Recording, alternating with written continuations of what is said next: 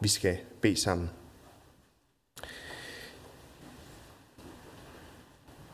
Herre Jesus, vi beder dig om, at du ved din hellige ånd vil give os lov til at se dig som vores frelser, og vi må finde vores sjæle fred i dig. Amen. Det er faktisk ikke så lang tid siden, jeg har prædiket den her tekst sidste gang, og der brugte jeg meget fokus på at tale om, hvad er fortabelse for en størrelse. Fordi det ligesom er noget, vi kan have lidt lyst til at... Kan vi ikke tage det en anden dag snak? Øh, så tænkte jeg lidt, hvis der nu var en, der kunne huske den prædiken, så var det ikke helt fair at lave en om på det jo. Så, øh, så jeg ligesom har sat fokus på to ting i dag. Det er dels de her V-råb, og, og så er det det her visdommen. Så lad os begynde med, med V-råbene. Vi er jo nogen, der i øjeblikket fryder os gevaldigt, som i helt vild. Manchester United, det sejler. De spillede mod Thomas Franks hold for Brentford, og de tabte ikke bare 1-0 eller 2-0. De tabte 4-0. Det var en fornøjelse, og øh, som en, der altid har syntes, at United de bare skal tabe, så kan man jo kun glæde sig sådan nogle stunder jo. Og det var også en fornøjelse at læse på de sociale medier, at træneren havde aflyst øh, fridagen efterfølgende og sagt, i kan lige møde ind til træningen, fordi der er lige noget, I har glemt. I har ikke forstået, at I skal løbe til en fodboldkamp. Så de fik lov til at løbe 13,8 km, for det var det, Bradford-spillerne havde løbet i gennemsnit i den kamp.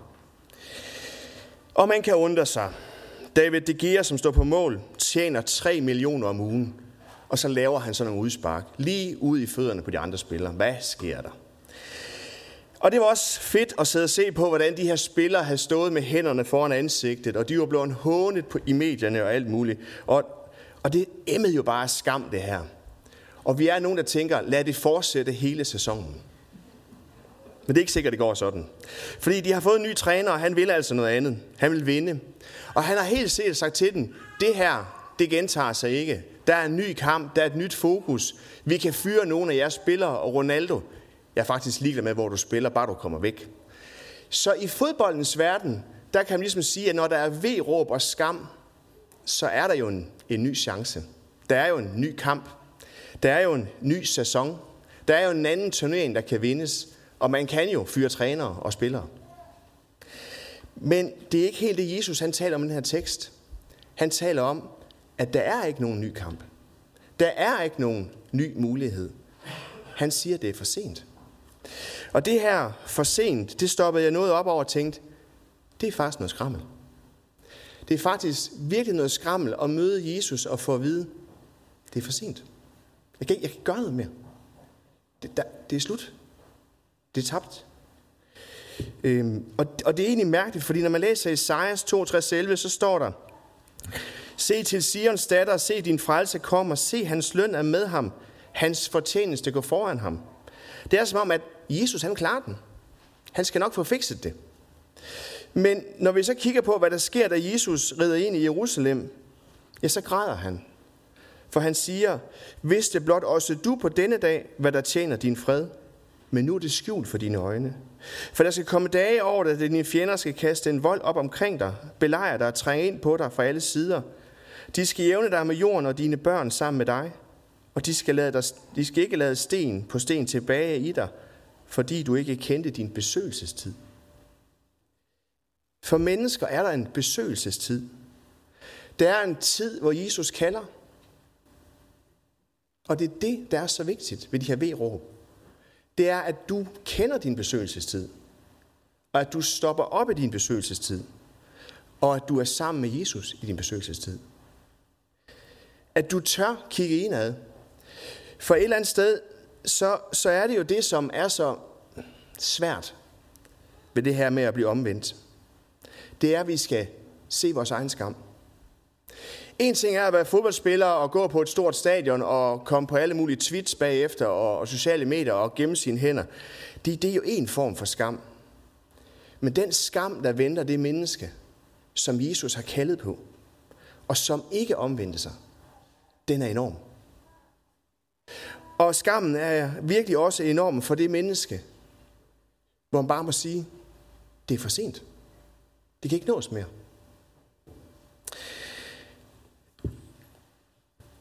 historien den bekræfter jo, hvad Jesus han sagde.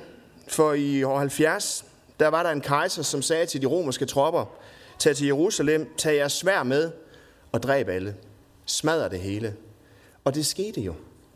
Så da Jesus rider ind i Jerusalem og ser den her folkemængde, der hylder ham, da han snakker med dem på tempelpladsen og så videre, ja, så ved han, at mange af dem, de skal dø.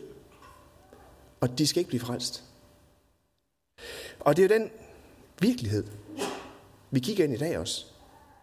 Når Charlotte fortæller om arbejdet i, i, i Tanzania, så, så er det jo ikke fordi, at vi i kirken ser og synes, det er mega fedt at lege med øh, nomadstammer. Så er det fordi, de skal frelses. Og når vi kigger ind i vores egen verden, vores moderne verden, eller hvad du kalder den, så, så ser vi i øjeblikket en, en, en galskab og en tåbelighed i forståelse af bare det at være mand og kvinde. Det skal mennesker frelses fra. Der, der er ikke nogen sådan, vi kan snakke om det løsning. Så dagens sveråb er alvorlig. For det kan virkelig blive for sent. Og derfor er det vigtigt, at du våger at lade være med at kigge på din sidemand nu. For det, det er ikke ham, jeg snakker til. Det er dig. Tanken er ikke, at det er sådan, vi kan sige, dem der over, de har et problem, men her går det fint. Eller omvendt. Det, det er altså mig, det handler om. Så når vi læser den her tekst med V-råben, så taler Jesus til mig og til dig. Og han har et klart budskab til dig. Din besøgelsestid. Lad det ikke blive for sent. Beton, det er noget mærkeligt noget. Fordi når man blander beton, så tager man nogle remedier og sætter det sammen. Og nu ved jeg ikke, om jeg der nogen har leget med beton, eller har forsøgt hjemme i haven med en eller anden form for beton. Eller sådan noget. Men, men beton, det kan ingenting i starten. Det er noget sjask. Hvis du lægger noget på det, så falder det igennem. Det kan ikke bære noget, det er ikke hårdt, det er blødt. Men som timerne går og dagene går, så bliver beton voldsomt stærkt. Og det kan bære rigtig mange ting, og det er nærmest umuligt at, at skille ad fra hinanden igen. Noget af det, jeg ser i mit arbejde på plejehjemmet, det er, at der er nogle mennesker, de er stivnet i deres endelige form. Med synden. Og der er nogen, der er stivnet i deres endelige form med nåden. Så det er som om, at det er ikke, når vi skal dø, det her, det sker. Det er nu, mens vi lever, at vi kan forhærde os.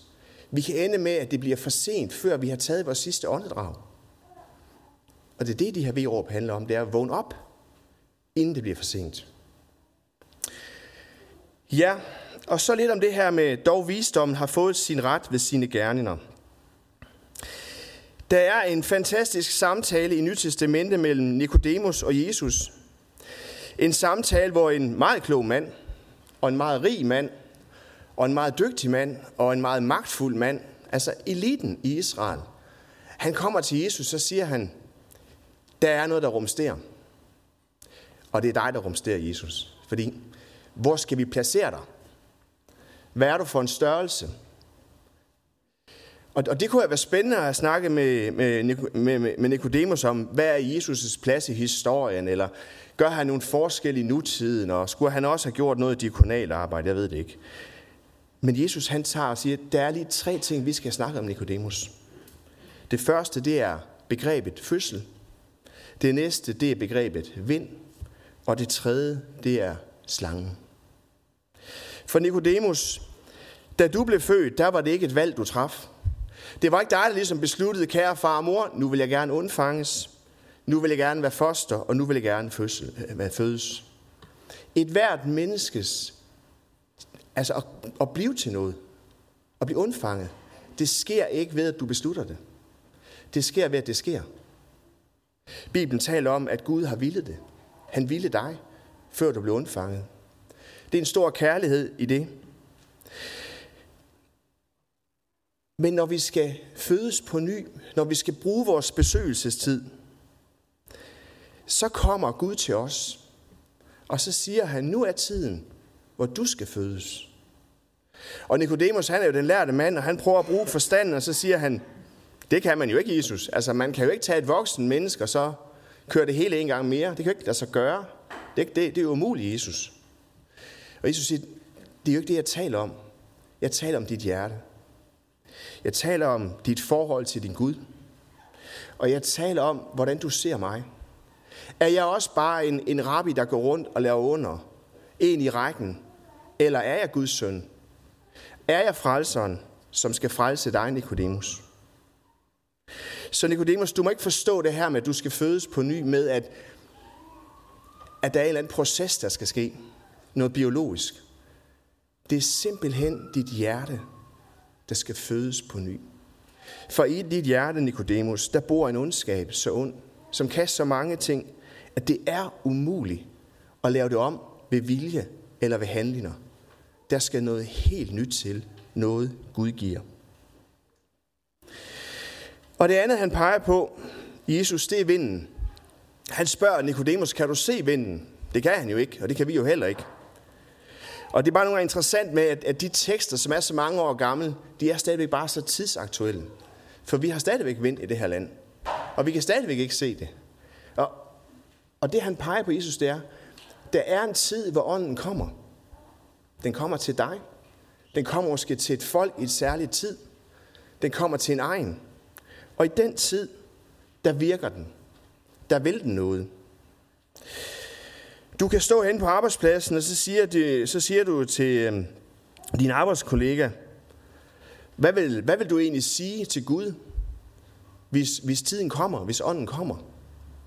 Og din arbejdskollega svarer, der er ikke nogen Gud. Og det kan være en ret lammende sætning. Men sagen er jo, der er jo en vind. Der er jo en hellig ånd. Og den ønsker jo at virke. I første kongebog 1911 står der, eller møder vi, at, at det er Gud, der kommer i den sagte susen. Så når du, ligesom Nikodemus, mærker, at Jesus gør noget ved dig, der bliver prikket, så er det fordi Helligånden vil snakke med dig. Og der vil give dig et råd. Søg Guds ord. Læs Guds ord. Lad Guds ord få lov til at rumme dig i dit liv. Vi havde en fantastisk snak i vores DNA-gruppe her, fordi før ferien, der havde vi fået en fin, fin øh, kan man sige, opmundring. Lad, lad nu være med at lade sommeren blive alt muligt uden Jesus.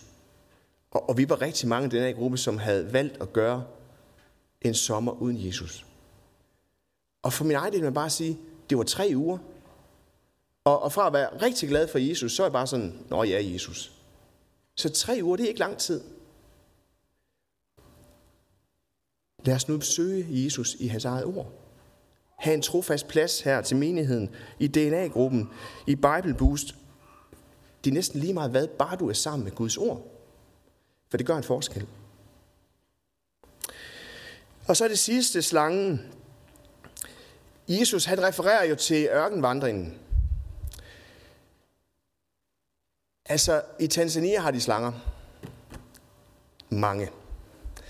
Jo, mange flere, end vi har her. Og de er også farlige dernede.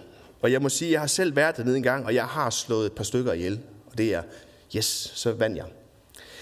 Men det Jesus han taler om her, det er jo, at på et tidspunkt i lejren, så var der slanger overalt. Der var slanger i teltet, i boligen. Der var, der var slanger, når de gik. Når de tog bilen, det havde de jo ikke, men når de transporterede sig, så var der også slanger. De var overalt, og de bed. Og den gift, de kom med, den gjorde, at man døde. Så der var en frygtelig alvor i den her gift, fordi du kunne, jo, du kunne være på vandring, eller du kunne ligge i dit telt, og pludselig så kunne dit barn skrige, fordi det jo blev bidt af en slange. Og så kan vi jo tænke, så tager vi bare modgiften. Men der var ikke nogen modgift. Så døde barnet. Du kunne gå ud af vejen, og så blev du selv bidt, og så døde du. Jeg kan huske på et tidspunkt nede i Afrika, der, eller i Tanzania, der var der, der mødte jeg nogen, øh, som fortalte om, øh, jeg tror den hed en sort mamba, det er sådan en, man slet ikke skal kigge på. Øhm, og, og hvis man nu bliver bidt af sådan en, spurgte jeg så, og, og der er rigtig langt til hospitalet, så skal du bare finde et træ og sætte dig ned og så nyde det sidste. Det er bare det, du skal. Okay. Hvad taler Jesus om? Han taler om, at du kan blive bidt af en slange, og så bliver det for sent. Men han taler også om, at der er en koverslange. Og når du kigger på den, så bliver du frelst. Og det giver jo ingen mening i biologiens verden, det her med, at så laver de en koverslange, så står den midt i lejren, så skal jeg bare gå hen og kigge på den, bum, så er jeg ikke, så, er jeg ikke, så dør jeg ikke mere. Men lad jeg være med at kigge på den, så dør jeg. Det, det giver jo ikke mening, det her. Der er ikke en forstand, der rummer det. Men der er en tro, der gør. Og korslangen skal også minde os om, at der var en, der var nødt til at betale den ultimative pris, for at de andre kunne gå fri. Det var Jesus. Der er ikke andre.